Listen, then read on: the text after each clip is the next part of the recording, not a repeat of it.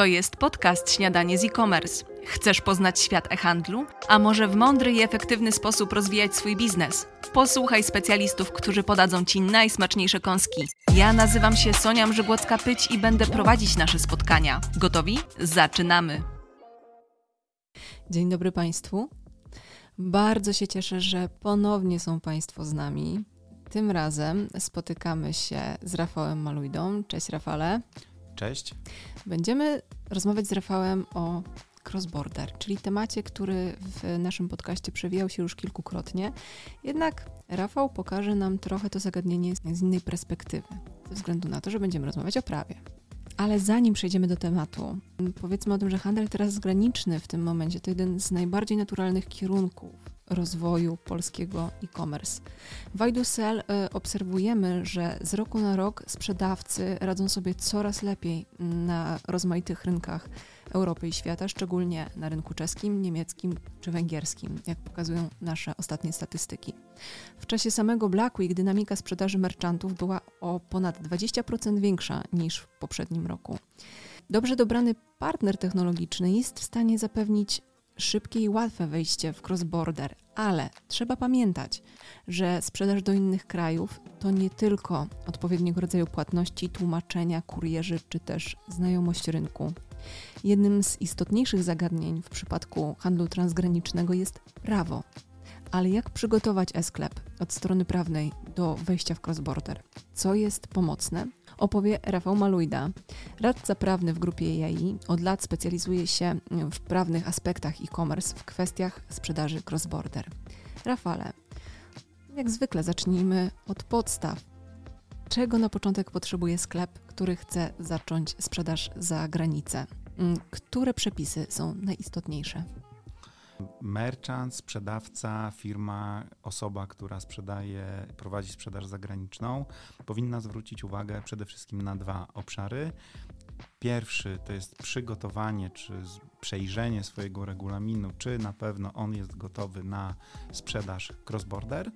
Dwa, powinniśmy przemyśleć kwestie podatkowe, czy nasza księgowość, nasz system billingowy, czy nasza organizacja jest świadoma wszystkich aspektów z tym związanych mm, i czy wiemy, jak i kogo fakturować, mówiąc wprost. Ciekawostką w tej branży crossborderowej jest to, że mówimy tutaj o sprzedaży tak na dobrą sprawę wysyłkowej, bo tym jest y, tak na dobrą sprawę sprzedaż przez y, internet. Natomiast z perspektywy prawnej, w szczególności tutaj cywilnoprawnej, to mm, niezależnie od tego, czy pojedziemy z Wrocławia do Pragi na weekend y, fizycznie i w Pradze kupimy gazetę, czy y, wyślemy tą gazetę odbiorcy w Pradze, to zawieramy tak na dobrą sprawę kontrakt, dla którego musimy ustalić, czy powinniśmy wiedzieć, jakie jest prawo właściwe. O tym często w ramach jakiegoś takiego ujednolicania przepisów na poziomie rynku Unii Europejskiej się zapomina, przyjmując, że jest jakieś w cudzysłowie mityczne prawo Unii Europejskiej czy mityczne prawo międzynarodowe, e, które nam te wszystkie kwestie uregu uregulowuje. To czegoś takiego niestety, stety nie ma. E, nie ma w tym rozumieniu prawa międzynarodowego. Są przepisy Unii Europejskiej w postaci dyrektyw, na bazie których przepisy każdego z krajów członkowskich są w jakiejś mierze ujednolicane. Przepisy rozporządzeń, y, które funkcjonują na terytorium całej Unii Europejskiej, jak chociażby RODO, ale tak na dobrą sprawę na koniec dnia mówimy de facto o prawie polskim, niemieckim, czeskim, francuskim. No i właśnie, które jest w dużej stopniu ujednolicone, ale jednak mogą pojawiać się różnego rodzaju niuanse, do których powinniśmy się przygotować i to do określenia w naszym regulaminie tego prawa właściwego czyli prawa właściwego dla umowy sprzedaży, na bazie którego będziemy e, rozstrzygać prawo do gwarancji, prawa e, związane z rękojmi czy niezgodności towaru z umową, idąc tokiem nowych dyrektyw. To są te wszystkie kwestie, które reguluje konkretne prawo właściwe. I merchant ma tutaj prawo, i jest to dobra praktyka, żeby umiejscawiać w tych regulaminach swoje prawo siedziby, no bo to prawo najlepiej znamy. Oczywiście może być też tak, że jeżeli mamy klientów wyłącznie z jakiegoś jednego rynku, czy z jakiegoś, z grupy rynków docelowych. Tutaj na przykład mam świadomość, że wielu przedsiębiorców prowadzi działalność w taki sposób, że ukierunkowują swoją sprzedaż do krajów ujmowanych jako dach, y, czyli Niemcy, Austria i Szwajcaria. I jeżeli chcemy tutaj wyjść trochę naprzeciw konsumentom, zwiększyć sprzedaż, bo może to być jakiś czynnik decyzyjny, że y, kupujący będzie widział, że w regulaminie kontraktuje tak na dobrą sprawę, y, no trochę na swoim prawie, czyli na prawie niemieckim, szwajcarskim albo austriackim chociażby, no to może to być dla niego jakiegoś rodzaju zachęta i, i może bardziej się zdecydować, mocniej się zdecydować, żeby od nas kupować te towary.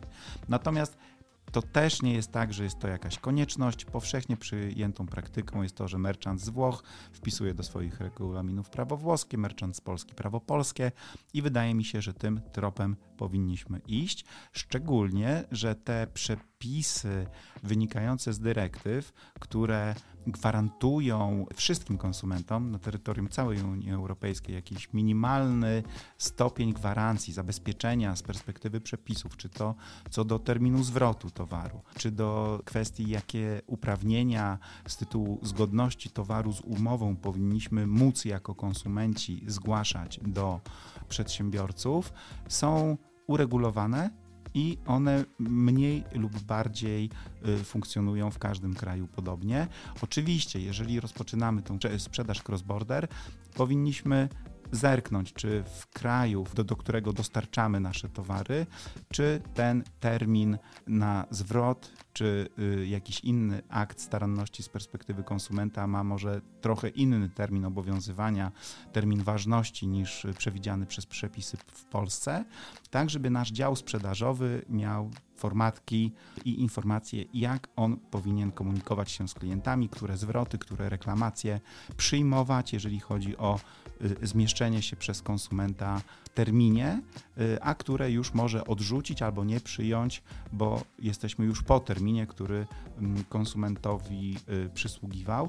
Oczywiście można to wykorzystać również marketingowo, bo często grzecznościowo sprzedawcy przyjmują zwroty czy przyjmują reklamacje również po upływie danego terminu, budując jakiegoś rodzaju relacje z klientem. Natomiast to wszystko powinno, y, y, po, powinniśmy kształtować świadomie. Mówiłeś teraz o konsumentach, a proszę powiedz, jak jest z przedsiębiorcami i z sądami? Jeżeli chodzi o, o przedsiębiorców, to tutaj te przepisy, które obowiązują na poziomie regulacji Unii Europejskiej dotyczące zwrotów, one no jakby dotyczą tak na dobrą sprawę tylko konsumentów, także możemy to prawo do zwrotów uregulować trochę inaczej, jeżeli w ogóle chcemy taki handicap, taką możliwość przedsiębiorcom przedstawiać. Natomiast jeżeli chodzi o sądy, to tutaj ma znaczenie to, czy sprzedajemy towary konsumentowi, czy świadczymy usługi konsumentowi, czy sprzedajemy towary przedsiębiorcy.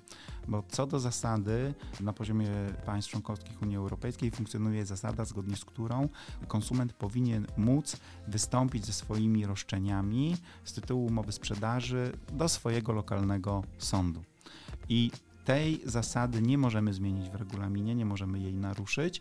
Co więcej, od kilku lat funkcjonuje również swego rodzaju arbitraż, polubowne rozstrzyganie spraw i tutaj merchanci muszą taką możliwość zasygnalizować w swoim regulaminie, odesłać do stosownych stron, które funkcjonują na poziomie Unii Europejskiej, tak żeby zasygnalizować klientowi, masz wybór. Możemy iść do sądu, czy możesz iść do sądu, jeżeli powstaną jakieś kwestie sporne, ale masz prawo także skorzystać z tego swoistego arbitrażu, polubownego trybu rozstrzygania spraw czy, czy regulacji tych spraw. Natomiast w przypadku przedsiębiorców mamy już tutaj większe pole manewru. Możemy wprowadzić zapisy do regulaminu, z których będzie wynikało, że sądem właściwym do rozstrzygania wszelkich spraw związanych ze sprzedażą towaru będzie prawo naszej siedziby i będzie to obowiązywało nas, jak i przedsiębiorcy, który od nas towary kupuje. I jest to do rozważenia w szczególności w przypadkach, gdy mamy towary być może bardziej zaawansowane technologicznie, które mogą się psuć, które faktycznie trzeba jakoś serwisować, naprawiać, albo w przypadku, do których może powstać wątpliwość, czy powinniśmy przyjmować jako sprzedawca na siebie tą odpowiedzialność z tytułu rękojmi, z tytułu gwarancji, gdyż są to później istotne kwestie praktyczne z perspektywy obsługi klienta i rzeczywiście regulacji powstałych na tym tle sporów. Powiedz proszę Rafale, czy przepisy dotyczące e-commerce na poszczególnych rynkach są w jakiś sposób ze sobą zbieżne? Tak, dzięki temu, że funkcjonujemy na poziomie Unii Europejskiej i jeżeli mówimy o cross-borderze e, w tym pierwszym ruchu ukierunkowanym na państwa członkowskie Unii Europejskiej, a chyba większość merchantów tak ten cross-border na ten moment traktuje, przynajmniej pierwszy krok wyjścia w cross-border, to ta zbieżność przepisów jest bardzo duża, co ułatwia nam działanie i rzeczywiście to nie jest tak, że musimy zatrudnić kancelarię prawną na każdym rynku docelowym.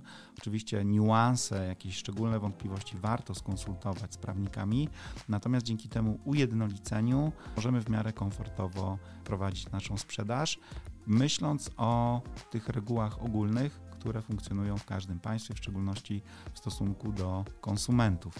I tutaj tytułem przykładu y, mogę odnieść się do y, kwestii marketingowych czy prezentacji towaru. Mamy tutaj y, już wdrożoną praktycznie we wszystkich państwach członkowskich Unii Europejskiej z jednej strony dyrektywę Omnibus, a z drugiej strony dużo, dużo starszą, tak zwaną dyrektywę dotyczącą sprzedaży e-commerce'owej, sprzedaży na odległość. Tutaj dyrektywie Omnibus poświęciliśmy już bardzo dużo uwagi. Wydaje mi się, że bardziej więcej niż mniej wiemy, jak wyliczać te ceny towarów z ostatniej jakiejś ilości dni, którą powinniśmy brać pod uwagę, e, kształtując różnego rodzaju promocje i obniżki, i o tym wszyscy już pamiętamy. Natomiast musimy do tego jeszcze dołożyć te ogólne regulacje, które w zakresie bardziej wrażliwych towarów mogą być kłopotliwe albo mogą budzić wątpliwości. Teraz mówię o tym, że w, na poziomie Unii Europejskiej funkcjonuje tak zwana zasada państwa pochodzenia. Tytułem przykładu jeżeli jestem merchantem, sprzedawcą, który pochodzi z Polski, to zgodnie z tą zasadą y, prawa państwa pochodzenia jestem w zgodzie z prawem, czy działam zgodnie z prawem, jeżeli przestrzegam wszystkich wymogów w stosunku do danego typu rodzaju sprzedaży, które wyczytam wynikają z przepisów prawa polskiego. Tak jest jednak co do zasady, bo z drugiej strony mamy te przepisy konsumenckie, które są w bardzo dużym stopniu ujednolicone, ale mogą być wprowadzone w danym państwie tak, że powodują, czy, czy wynikają z nich jakiegoś rodzaju odmienności. Dajmy na to prawodawca szwedzki wprowadza bardziej szczegółowe regulacje dotyczące opisu i marketingu lekarstw. Wymagając od przedsiębiorców, którzy kierują swoją ofertę i swoje towary do konsumentów ze Szwecji, żeby tego rodzaju towary były w odpowiedni sposób opisane i to w języku szwedzkim. Taka reguła oczywiście z przepisów polskich, przepisów prawa polskiego nie wynika. W przypadku tego rodzaju towarów musimy brać takie szczegółowe, sektorowe regulacje pod uwagę, bo może się okazać, że w stosunku do nas zostanie wykreowany zarzut niezgodności działania z prawem. I taka sprawa na dzień dzisiejszy jest rozpatrywana przez Trybunał Sprawiedliwości Unii Europejskiej. Jakiegoś rodzaju problem czy wyzwanie ma przedsiębiorca z Niemiec, apteka, która jest apteką internetową i praktycznie przede wszystkim sprzedaje i kieruje swoją ofertę na rynek szwedzki. Natomiast nie przygotowała ta apteka opisów w języku szwedzkim i treści w pełni zgodnej z prawem szwedzkim, tylko ze swoim prawem lokalnym niemieckim. I tutaj interpretacyjnie faktycznie mamy jakąś wątpliwość, nie powiedziałbym, że lukę, ale wątpliwość, no właśnie, gdzie jest ta granica pomiędzy zasadą prawa państwa pochodzenia, a tym, że musimy być jednocześnie zgodni z określonymi i jakimi w takim razie regułami, które są korzystne dla konsumentów y, w państwie odbioru. Mam nadzieję, że to orzeczenie pojawi się w tym roku. Będzie to pewnie okazja do powrotu do tego rodzaju dyskusji, gdyż będzie to orzeczenie nie tylko, czy nie tyle ciekawe dla prawników, tylko i wyłącznie, ale faktycznie będzie interesujące dla całej branży e-commerce, bo da, miejmy nadzieję, jakieś praktyczne wytyczne i wskazówki w tym zakresie. Mówiliśmy teraz o zbieżnościach, a jakie są niebezpieczeństwa podczas wychodzenia na kolejne rynki?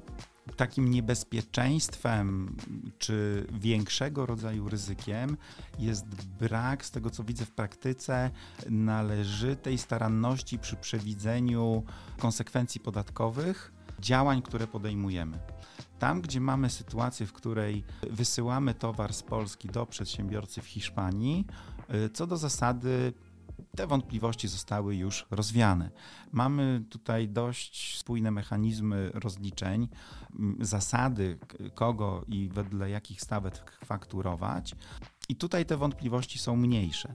Tam, gdzie wysyłamy towar do konsumentów, to wiemy, że do granicy 42 tysięcy złotych, czyli to jest odpowiednik 10 tysięcy euro, wystawiamy faktury polskie i fakturujemy zgodnie ze stawkami VAT-u obowiązującego w Polsce. Jeżeli przekroczymy ten obrót, to mamy dwie opcje. Albo rejestrujemy się jako VAT-owiec w państwie do którego dostarczamy towary, albo korzystamy z przywileju, z możliwości wykorzystania systemu VAT OSS, rejestrujemy się w Polsce i wyfaktorowujemy VAT zagraniczny.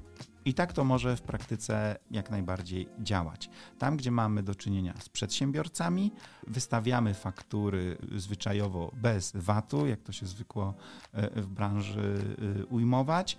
I ten obowiązek rozliczenia VAT-u jest niejako przerzucony na odbiorcę e, na drugą stronę naszej transakcji. I tutaj pojawiają się dwojakiego rodzaju pułapki, wyzwania, ryzyka.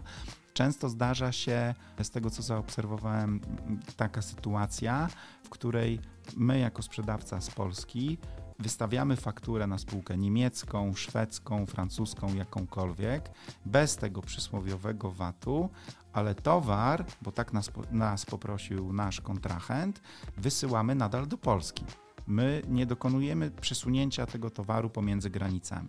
Jest to duże niebezpieczeństwo i ryzyko podatkowe z tego względu, że te faktury bez VAT-u, one powinny być wystawiane tylko w tym przypadku, gdy mamy odbiorcę zagranicznego, jego numer VAT możemy sobie zweryfikować w systemie WIES, dostępnym na poziomie całej Unii Europejskiej, ale jednocześnie zgodnie z przepisami ten towar musi przekroczyć granicę i my musimy to udowodnić, my to musimy udokumentować. I zdarzają się praktyki, które zaobserwowałem na rynku, z których y, wynika, że sprzedawcy przyjmują oświadczenia od odbiorców, y, z których nie wynika wprost, że ten towar musi przekroczyć granicę, tylko że odbiorca, będący spółką y, zagraniczną, gwarantuje, że wymogi wynikające z przepisów podatkowych zostaną spełnione. W mojej ocenie jest to trochę jakiegoś rodzaju, może nawet i pułapka dla mniej świadomych przedsiębiorców, bo ten przedsiębiorca będąc przedsiębiorcą zagranicznym i chcąc otrzymać ten towar i nie płacić VAT-u, chętnie potwierdza takie oświadczenie. On to powinien oczywiście zrobić w sposób świadomy, natomiast on de facto potwierdza wtedy, że towar przekroczył granicę albo przekroczy granicę, co w wielu przypadkach nie jest prawdą i na to musimy mm, zwracać uwagę zarówno jako sprzedawcy, często też edukując być może naszych klientów, tak żeby budować z nimi te długofalowe relacje, a nawet w przypadkach jednorazowych sprzedaży, żeby później nie mieć jakiegoś rodzaju problemów podatkowych. To był ten jeden obszar, czy jedno z takich y, głównych wyzwań, które mm, zaobserwowałem. Drugie, od lat funkcjonują bardzo różne modele dostarczania towarów. Te modele one ewoluują, rozwijają się i występują z coraz większym natężeniem. Archetypem y, tego, o czym mówię, był mm, bodajże dropshipping, gdzie tak na dobrą sprawę cudzy magazyn znajduje się w innym państwie członkowskim. Ewoluuje to też tak, y, czy też w tym kierunku, gdzie bezpośrednio merchant rozbudowując swoją sieć sprzedażową, a nadal pozostając merchantem chociażby polskim czy niemieckim, posiada magazyny w innych państwach członkowskich Unii Europejskiej. Pomimo tego, że ja jako konsument kupuję towar od przedsiębiorcy z Polski, to de facto przesunięcie tego towaru następuje z magazynu y, chociażby z Niemiec do Włoch, bo tak jest sprawniej logistycznie, tak jest sprawniej organizacyjnie co często widać w przypadku różnego rodzaju kataklizmów czy małych y, katastrof lub jakichś dziwnych zjawisk powodowych, gdzie dajmy na to w południowych Niemczech y, pojawia się powódź albo w północnych Włoszech grad i y, rośnie zapotrzebowanie konsumentów na szyby, chociażby szyby samochodowe, to wtedy ten e-commerce tutaj doskonale się sprawdza, ale te, wtedy też widać, jak to działa, bo jeżeli konsument chce się dowiedzieć, kiedy on w końcu dostanie tą swoją wymarzoną czy upragnioną szybę, to dowiaduje się, że czeka na dostawę z magazynu z Austrii chociażby, chociaż zamawiał towar u dostawcy z Włoch. I tego rodzaju strukturę trzeba przewidzieć, przemyśleć, tak żebyśmy wiedzieli, kogo i na jaką kwotę i z jakim VAT-em czy bez VAT-u fakturować. No i jak zwykle niestety moglibyśmy mówić o tym długo, ale czas nas ogranicza, więc odpowiedzmy proszę Rafale na to nasze tytułowe pytanie. Cross-border, jak sprzedawać zgodnie z prawem w kilku punktach? Przygotować regulamin, który będzie przewidywał czy różnicował, jeżeli taka jest nasza wola, y, sprzedaż w stosunku do konsumentów i w stosunku do przedsiębiorców. Sprawdźmy podstawowe terminy zwrotu towarów rękojmi, przedawnienia, zgodności czy realizacji uprawnień z tytułu zgodności z prawem, z umową, które obowiązują w tych państwach, do których kierujemy naszą ofertę, y, wysyłamy paczki gdyż wielokrotnie nie jest tak, że dostarczamy od pierwszego dnia towary do wszystkich państw członkowskich Unii Europejskiej. Zweryfikujmy potencjalne y, kwestie podatkowe z naszą księgową, która nam odpowie na pytanie, czy powinniśmy weryfikować dany wątek dalej. Mówię tutaj o sytuacji tego dropshippingu czy wykorzystywania zagranicznych magazynów. Przeszkolmy y, osoby, które z naszej strony będą obsługiwały konsumentów. Nie próbujmy narzucać takiej podstawowej klauzuli niedozwolonej, czyli nie wymuszajmy sądów naszego państwa, tam gdzie dostarczamy towary konsumentom z Niemiec, z Holandii czy y, z jakiegokolwiek innego państwa. Zadbajmy o transparentną komunikację czy opis towarów, w szczególności mm, gdy kierujemy ofertę do konsumenta, aczkolwiek ze względu na coraz większe skomplikowanie przepisów, to z tej perspektywy nie różnicowałbym opisów, czy dany towar jest dla konsumenta, czy dla przedsiębiorcy dedykowany, szczególnie, że sami na siebie narzucilibyśmy jakieś dodatkowe obowiązki. Natomiast uważajmy na sformułowania w postaci, że ten konkretny towar na pewno będzie sprawdzał się w określonych zastosowaniach albo y, jego funkcjonalności są w 100% takie, że będzie nadawał się do określonego użytku albo spełni swoją funkcję w jakimś zakresie, bo od czasu wejścia w życie przepisów, które regulują te kwestie zgodności towaru, z umową i odpowiedzialności nie tylko producenta, ale też sprzedawcy, który kształtuje tą komunikację marketingową, to tego rodzaju sformułowania czy zaklęcia mogą wywołać bardzo istotne konsekwencje prawne, bo konsument będzie mógł upomnieć się o to i zakwestionować towar, że ta cudowna lampka, którą przedsiębiorca tak świetnie opisał, ona nie znajduje zastosowania w tej sytuacji, do której konsument ją kupił, a przedsiębiorca przecież na swojej stronie internetowej to opisał.